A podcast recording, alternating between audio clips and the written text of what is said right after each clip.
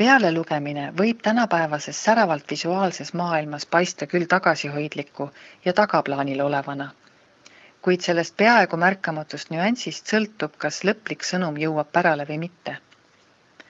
pealelugeja hääle valikuga määratakse ära sihtrühm, joonistatakse reljeefsemalt välja toote stiil ja iseloom, tekitatakse usaldus. seetõttu on väga oluline mitte lasta tähelepanul uinuda olla hääle valimisel väga teadlik ja mitte jätta seda juhuse hooleks. hea hääl kas seob kõik omavahel tervikuks ja muudab visuaali atraktiivseks või lõhub selle. pealelugemine on tänapäeval seotud videomängude, õppematerjalide, reklaamitööstuse ja erinevate audiomaterjalidega. seda kasutatakse kõnepostide salvestamisel, õpperakendustes, programmides mänguasjade tootmisel, mängudes, keeleprojektides ja nii edasi. alustuseks selgitame veidi, mis on pealelugemise, dublaaži, diktoriteksti ja teadustamise vahe. kuigi mõneti on need mõisted laiali valgunud ja omavahel segunenud ning nende ristkasutamine tööprotsessis on aktsepteeritud, on siiski võimalik nende vahel õrnad piirjooned tõmmata. mis on pealelugemine? Vikipeedia ütleb, et pealelugemine on audiovisuaalsete teoste helindamise tehnoloogia, mida kasutatakse raadios, videos ja teleülekannetes. kasutades näitlejate, diktorite ja sünkroontõlkide häält, loetakse kaadrile peale kas tõlge või kommentaarid. kuna pealelugemine hõlmab tänapäeval järjest enam laienevat ala, kaasates suurel määral ka interneti mõõtmatud mastaabid siis võime seda mõistet rahulikult kasutada üldnimetajana kõigis olukordades, kus on tegu peale loetud tekstiga. täpsustusena võime liigitada selle alla väikeste eriharudena nii dubleerimise, diktoriteksti lugemise kui ka teadvustamise. mis on dubleerimine? dubleerimine ehk dublaaž on filmidele ja reklaamidele peale lugemine tavaliselt on dublaaž seotud materjali tõlkimisega teise keelde ja dubleerimisel kasutatakse ühte või kahte häält. suuremates projektides, näiteks Disney animafilmide või ka reklaamide puhul, dubleeritakse kogu teos, leides igale osatäitjale sobiv hääl kas erinevate näitlejate hulgast või samade näitlejate erinevate häälte arsenalist. dublaaži puhul võib originaalhääl jääda taustale kostma või olla ka täielikult eemaldatud. mis on diktori tekst? diktori tekst eristub dublaažist selle poolest, et see on pigem neutraalne ja informeeriv ning me kuuleme seda informatiivsemat laadi audiovisuaalsete teoste juures. näitena võib tuua dokumentaalfilmid, tõsielusaated, erinevad telesarjad, reklaamid. mis on teadustamine? teadustamine, nagu sõna ise juba väljendab on seotud teadaannete ja teadaandmistega. heaks näiteks võib tuua rongi- ja lennujaamade ning kaubanduskeskuste teadaanded, samuti kontsertide ja muude ürituste teadaanded, näiteks teleris, internetis või mujal. millised on pealelugemise suunad? kui veel üheksakümnendatel peeti heaks hääleks professionaalset näitleja häält, mida iseloomustas arenenud hääleaparaat sügava tämbri perfektse diktsiooni ning utreeritud teatraalsusega, siis pealelugemise uueks suunaks on juba mõnda aega olnud hääl, mis kõlab tõeliselt, autentselt ja on just vastupidi, mitte nagu professionaalne näitleja hääl. ilmselt tingis selle asjaolu, et videod ja reklaamikampaaniad on üha enam loodud vaatajaskonnaga otseseks suhtlemiseks ja aktiivse kontakti loomiseks. samuti on inimeste endi postituste genereerimine ja mõjuisikute tegevus sotsiaalmeedias üldist vastuvõtuvõimet mõjutanud. muutustega sammu pidada on hädavajalik nii näitlejatele, kes soovivad selles valdkonnas edukad olla, kui hääle otsijaile, kes kavatsevad toota projekte, millel oleks endiselt mõju. kas inimhääl või robothääl? paralleelselt inimhääle autentsuse ja loomulikkuse eelistusega, kuid esialgu veel sellele kontrastiks on oma koha jõuliselt sisse võtnud robotid, millega inimkõrv üha enam harjub. virtuaalsed assistendid muutuvad üha tavalisemaks, kuid uuringute põhjal on veel märkimisväärne üheksakümmend kolm protsenti küsitlusele vastanud inimestest kinnitanud, et inimese hääl on roboti häälest võimsam. inimestega koostöös tõuseb eraldi väärtuseks inimlik kontakt ja emotsionaalne ühendus.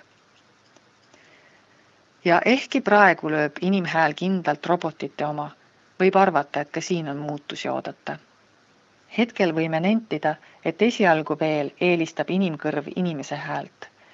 kuid nagu kõigi kiiresti muutuvate tööstusharude puhul, võime eeldada, et ka hääleareenil areng jätkub ning kindlasti ilmneb vorme ja tendentse, millest me veel tänasel päeval undki ei oska näha. Kuna maailm on muutunud ühtselt toimivaks ja kiiresti muutuvaks organismiks, siis tasuks pealelugeja hääle otsingul kindlasti end hetkesuundadega kurssi viia või konsulteerida oma ala spetsialistidega, et tulemus oleks edukas. mis on hääle valimisel oluline? pealelugemise puhul on esmatähtis emotsionaalse ühenduse loomine. Reklaamiäris on teada ja kasutatakse ära asjaolu, et ostu tegemine ei ole kaalutletud, vaid emotsionaalne otsus emotsioonid on need, mille pinnalt võrsub lõplik otsus. nutikad turundajad kasutavad seda fakti ära, keskendudes sellele, et inimestega emotsionaalne ühendus luua. siin tõuseb fookusesse hääle mõju. kuna praegu on tendents selles suunas, et hääled muutuvad järjest tagasihoidlikumaks ja autentsemaks, siis võib eelis olla uutel alustavatel häältel ja mittenäitlejatel kuna neil pole veel välja kujunenud kindlaid harjumusi nagu täiuslik hääldus või energiline väljenduslaad, mis oli varem nõutud. pealelugejate otsijatel on aga oluline teada, et kuigi autentne hääl on emotsionaalse ühenduse loomise võrrandi üks osa, pole see ainus tähtis tegur. Professionaalsete näitlejate kasutamine pealelugejatena võib olla endiselt kasulik, kui soovite luua publikuga sisulist ühendust kuna kutselisel näitlejal on selleks vajalikud oskused. lisaks võib näitleja salvestamise ajal välja pakkuda rohkem võimalusi, näiteks erinevaid kõnestiile, emotsioone ja muud. hääleotsinguil tasub silmas pidada, et lisandub pealelugeja isiksus. On vajalik, et see sobituks tootemargiga, peegeldaks sihtrühma ja ärataks selle usalduse. oluline on vanus vanus selles mõttes, et see sobituks sihtrühma vanusega. kui pealelugeja hääl on võimeline resoneeruma eri vanuserühmadega, siis on see vaid tema eelis.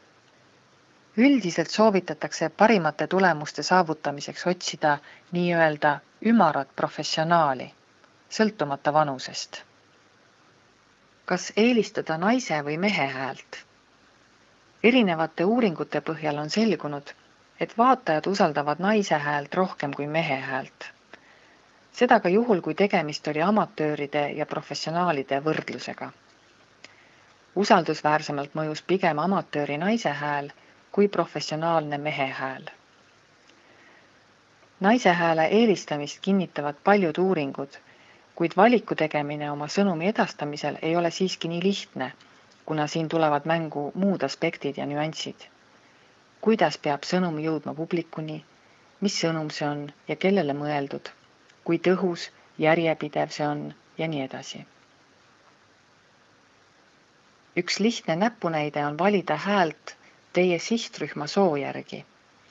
kasutada mehe häält meessoost tarbijatele suunatud toodete müümiseks ja naise häält naistele suunatud toodete jaoks mehe häält peetakse üldiselt autoriteetsemaks ja käskivamaks kui naise häält ning see on selle üks pluss.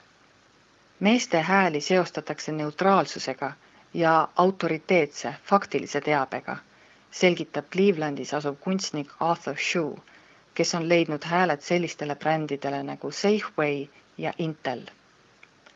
Naise häälel on meloodiline olemus ning naiste ja meeste hääli töötlevad erinevad ajuosad Sheffieldi ülikooli uuringus on tuvastatud asjaolu, et naiste hääli töötleb aju kuulmispiirkond, sama piirkond, mis töötleb muusikat.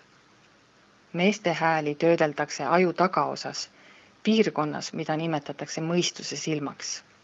samuti on inimese aju omapära, et see paneb meid kõrgemat häält usaldama rohkem kui madalat. kuna naise häälel on kõrgem heli, siis seda usaldatakse rohkem. naise häält peetakse rahustavamaks, intiimsemaks. rahustav hääl paneb inimest end mugavamalt tundma ja siis on ta ka usaldavam. samuti mõjub naise hääl emotsionaalsemalt, empaatilisemalt, kaasatundlikumalt ja mõistvamalt. kindlasti tasub kaaluda mehe hääle kasutamist meestele mõeldud toodete reklaamimisel, eriti kui on tegemist tugeva kandidaadiga kelle eeskuju, sobitumine või samastumine sihtrühmaga on maksimaalne. samas naise hääl on mõjus praktiliselt iga toote või teenuse puhul ja kui püsib kahtlus, soovitavad asjatundjad valida naise hääl